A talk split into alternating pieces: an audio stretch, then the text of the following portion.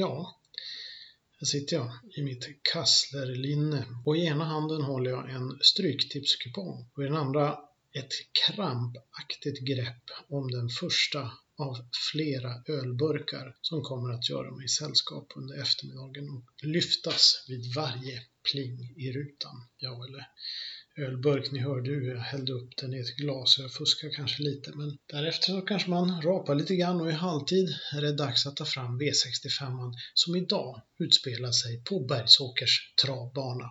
Men först en vignett som ger ståpäls.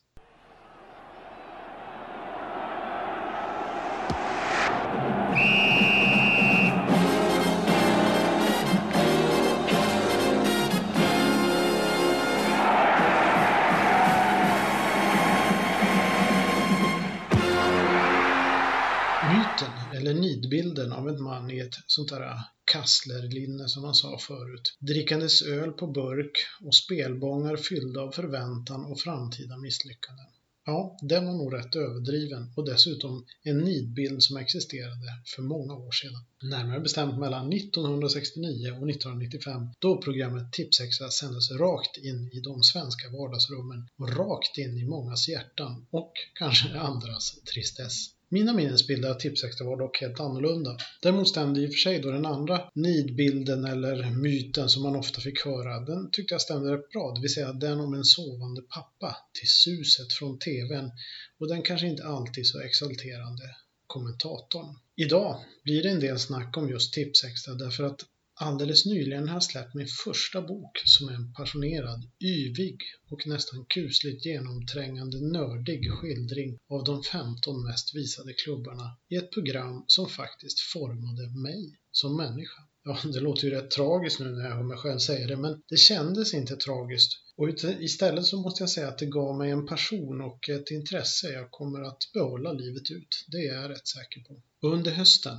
ska jag försöka dyka ned i detta mörka djup, intressedjup får man väl säga, efter härliga anekdoter, slingriga tankegångar, märkliga samtal. Jo, podden kommer bjuda in andra fans med samma passion framöver. Och kanske, kanske kan vi nå in i och sätta ord på självaste supportersjälen. Eller åtminstone kanske känna dess närhet. Jag heter Per Malmqvist Stolt och ni lyssnar på Old School Football Podcast nummer 59 och det allra första avsnittet säsongen 2017-18.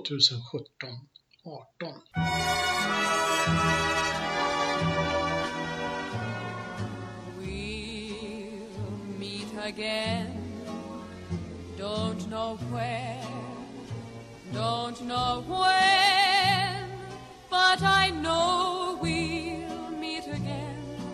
some sunny day.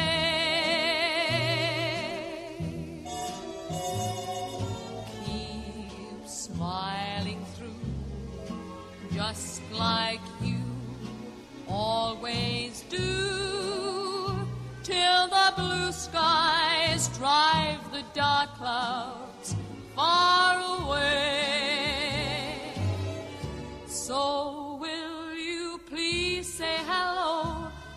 folks that I know, tell them I won't be long. They'll be happy to know that as you saw me go, I was singing this song. We'll meet again, don't know where, don't know when, but I know. Some sunny day. Mickey Thomas, det var min första idol och han spelade inte i min favoritklubb Everton. I vart fall inte när jag tog honom till mitt hjärta under den andra halvan av 1970-talet då han lirade som vänstermittfältare för Manchester United. Det var givetvis en slump att det blev Mickey Thomas men han verkade helt enkelt vara något alldeles utöver det vanliga. I vart fall i mina något diffusa minnesbilder då Tipsextra fyllde vardagsrummet med lördagsstämning och pappa halvsov i soffan. Jag satt ofta på golvet under bordet och lekte plastkrigare eller järnfotsoldater eller smurfar eller något liknande. Och i början ville jag nog mest vara där för att vara i pappas närhet under de där eftermiddagarna som blev mitt fredagsmys. Undan för undan steg dock intresset. Blicken lyftes allt oftare mot TVn och de där leriga figurerna som inte var på mitt golv utan sprang omkring på någon form av gräsmatta eller vad det var, jordplätt kanske det var mera, eller isbana. Och det såg alltid kallt ut. Det är nästan så att kylan kom genom TVn och man kunde blåsa ut den ur munnen där under vardagsrumsbordet. Ganska snart utkristalliserade sig ytterligare en idol. Dave Thomas. Jag hade fastnat för det här med Thomas till efternamn. Och det var också en vänsterytter. Han spelade då i Everton och han spelade alltid med nedrullade strumpor och utan benskydd. Då det var han som la alla delikata inlägg till centerforwarden vid namn Bob Latchford, vars namn och uppenbarelse än idag för mig är själva definitionen av Tipsextra. Bob Latchford. Han spräckte också den så infamt svåra 30-målsvallen som nästan var omöjlig att spräcka på 70-talet. Men han gjorde 30 mål på en och samma säsong.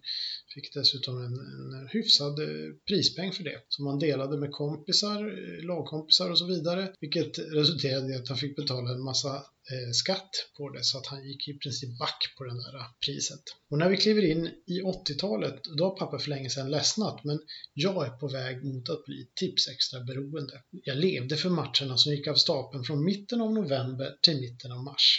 Varje vecka höll jag tummarna för att Everton skulle visas. Han som oftast blev besviken. Tipsextra pågick ju då mellan 69 och 95 och under hela den perioden så visades Everton 37 gånger. Det innebär att med lite tur kunde man få se laget i ens hjärta tre gånger på en säsong, men det kunde också bli noll. Ofta så blev det en till två. Och Everton var ändå en av de mer visade klubbarna, så jag ska inte klaga. Men det sätter lite perspektiv till dagens medieutbud. Liverpool och Manchester United har flest matcher i Tipsextra med 65 stycken vardera. En av mina allra lyckligaste stunder när jag var ung där i början på 80-talet blev då när Mickey Thomas 1981 skrev på för Everton. Det kändes ödesbestämt på något sätt. Förr eller senare skulle Mickey Thomas och Everton mötas. Jag får mig att han dessutom var Everton-supporter sedan barnsben. Jag har läst någon intervju i Shoot att det var så. Jag fick för mig det redan eh, när han gick över. Jag vet inte var jag fick det ifrån för att det var inte så lätt att få information och det skrevs inte lika mycket och man kunde inte läsa på internet. Men det jag minns, det var en helt utflippad intervju i Tipsextra. det här är, finns inte på Youtube eller någonting, men jag har jättetydliga minnesbilder av det här. Där han, han kunde helt enkelt inte vara seriös, utan bara gapskratta sig genom hela intervjun. Och det var det. För sen, ja, sen försvann han bara. Det blev nämligen bara tre månader i Everton. Managern Howard Kendall tog ut honom till en reservlagsmatch uppe i Newcastle. Tanken var att Thomas skulle få speltid efter en skada, något som Walesen själv inte ansåg som nödvändigt. Om det inte blev spel i A-laget så fick det vara, resonerade Thomas och stannade helt enkelt hemma. Som nytillträdd manager eh, tvingade han Kendall att markera en gräns för vad en spelare inte får göra, vilket resulterade i en försäljning till Brighton and Hove Albion. Ödet valde helt enkelt en ny väg åt Mickey Thomas. Till en början tyckte Mickey Thomas att det var rätt kul att åka till Brighton för att han fick åka med ett privatchartrat plan, han och hans fru.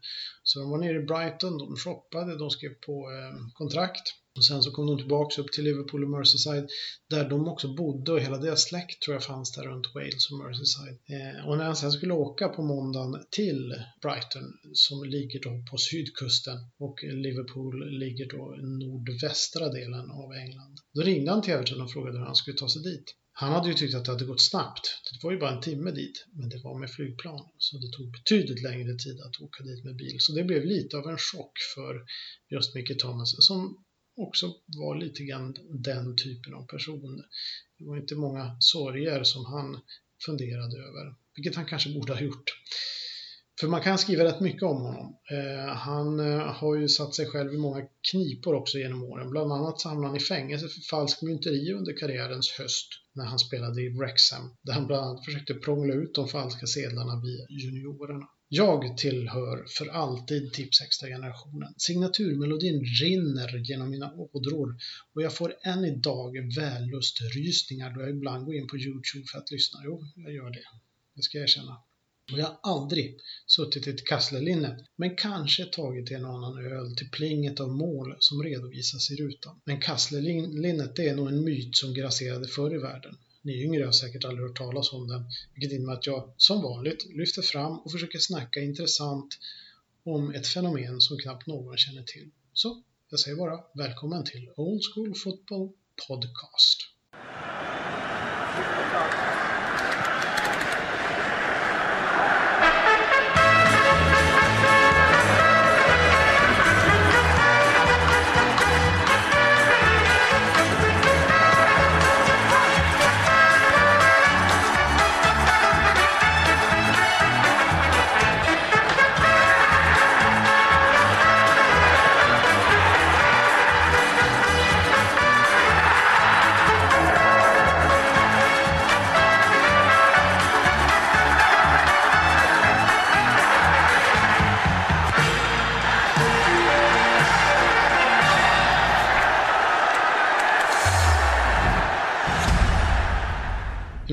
Myt eller nidbild om Tipsextra att det handlade om ett evigt långbollande. Visst, ofta slog man raka bollar mot en stor center som targetspelare, men egentligen alla framgångsrika klubbar under Tipsextra-perioden förordade en form av one-touch och att hålla bollen efter backen. Men i ett högt och underhållande tempo. Lägger du då till den dåliga ytan så kunde det ibland bli mera långbollar och det kanske inte alltid såg så vackert ut. Men, eh, och de mest kända kanske, och ändå rätt charmiga långbollsfundamentalisterna finner vi faktiskt på 80-talet och det är Wimbledon Football Clubs Crazy Gang och Watford Football Club som då ägdes av Elton John, Sir Elton John.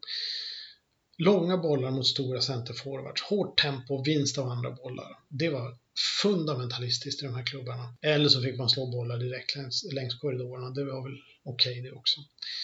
Centra som Wimbledons John Fashioner och Watfords Luther Blissett, de fick slita hårt. Och då ska man ändå veta att till exempel Watford hade ju lysande yttrar i eh, högerytten eh, Nigel Callahan tror jag han hette och vänsterytten som nog de flesta känner till, till och med de som inte har sett på Tips Extra, en viss John Barnes som var en lirare utan dess like. Men om man tittar på Fashion och Blissett så var ju de ändå rätt duktiga och det blev några landskamper för England.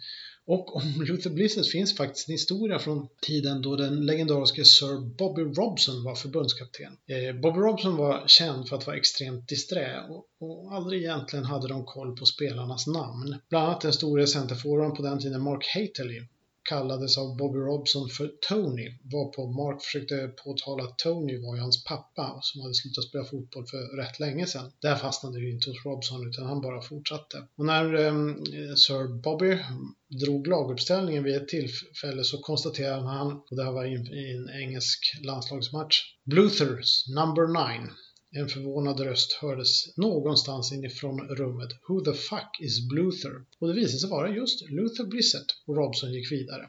Alltså det finns otaliga historier om Robsons disträhet, vilka jag kommer att återkomma till, men jag kan ta en till förresten.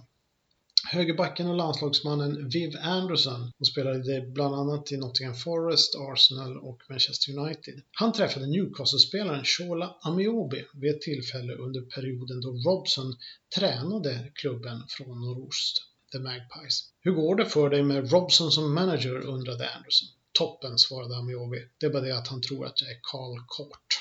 Men den till synes något enkelspåriga taktiken med långa bollar har givetvis äldre anor. Men det var sällan en genomtänkt taktik i alla fall inte då. Faktum var ju att managers och genomtänkt taktik är ju något rätt nytt. Herbert Chapman får väl ses som lite av en pionjär, eller nytt och nytt, men jag tycker ändå det var nytt för nu pratar vi 1920-tal när han tog Huddersfield till att bli det absolut bästa laget i England och sen i slutet av 20-talet tog han över Arsenal och förde in dem i ett magiskt 30-tal.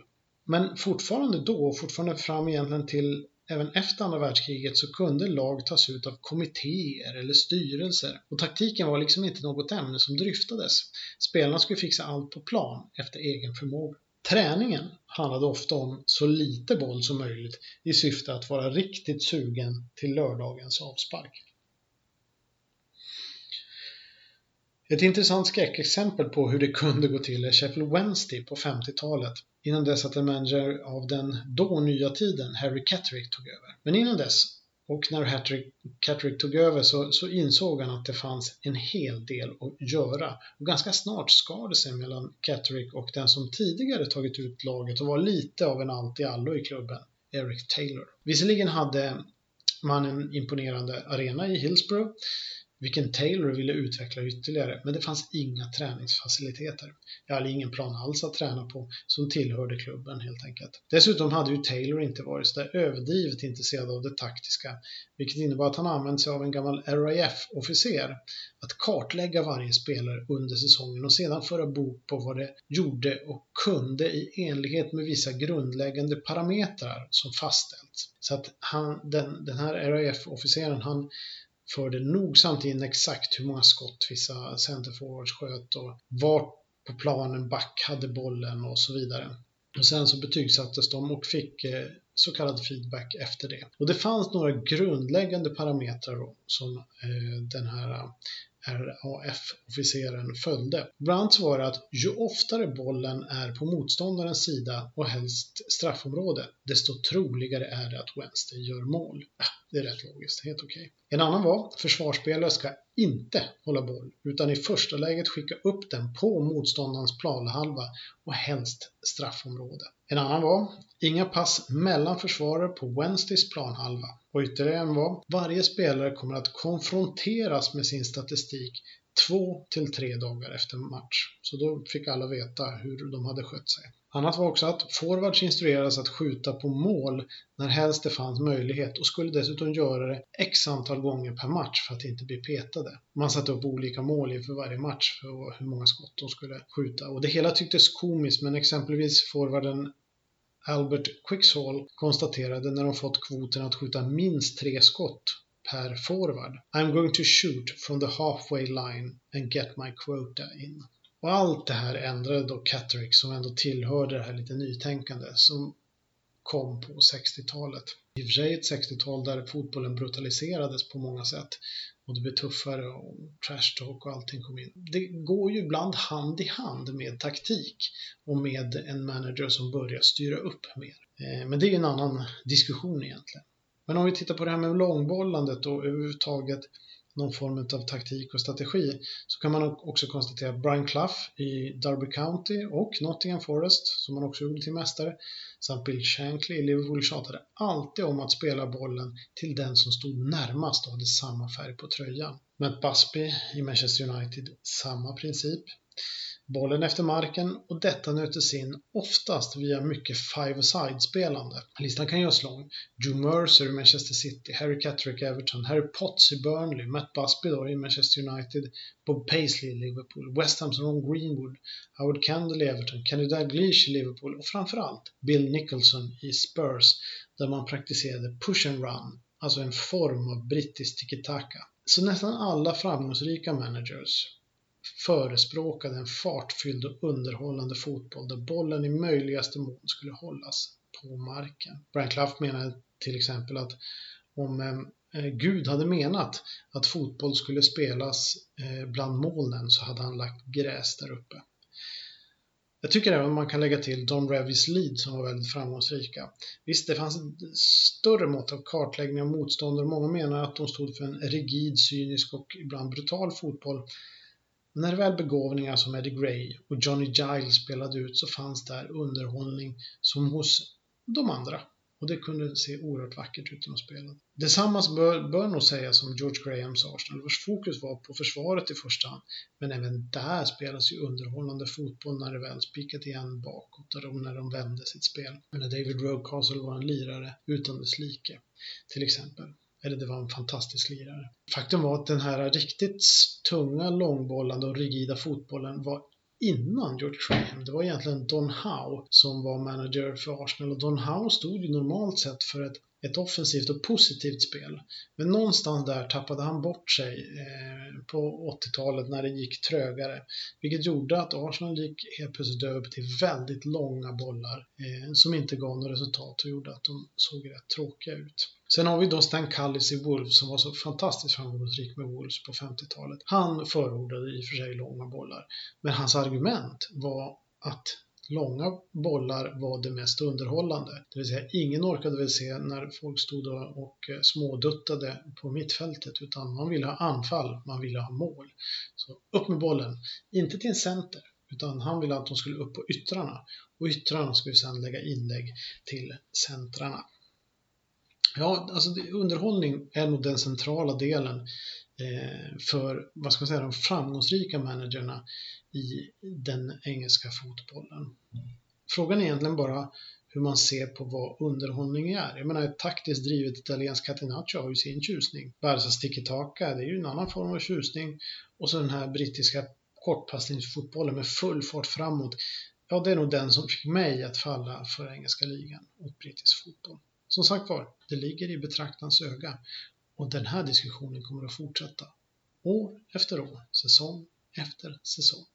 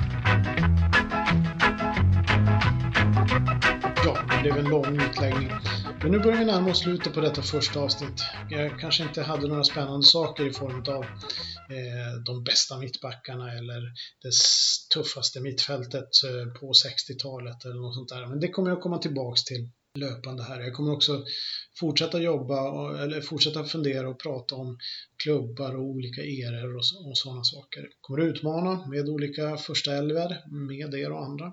Men mitt tips 6 är ändå orsaken till ett nästan sjukligt intresse för engelsk fotboll och Everton Football Club. Ett intresse som jag kommer leva i och dö med.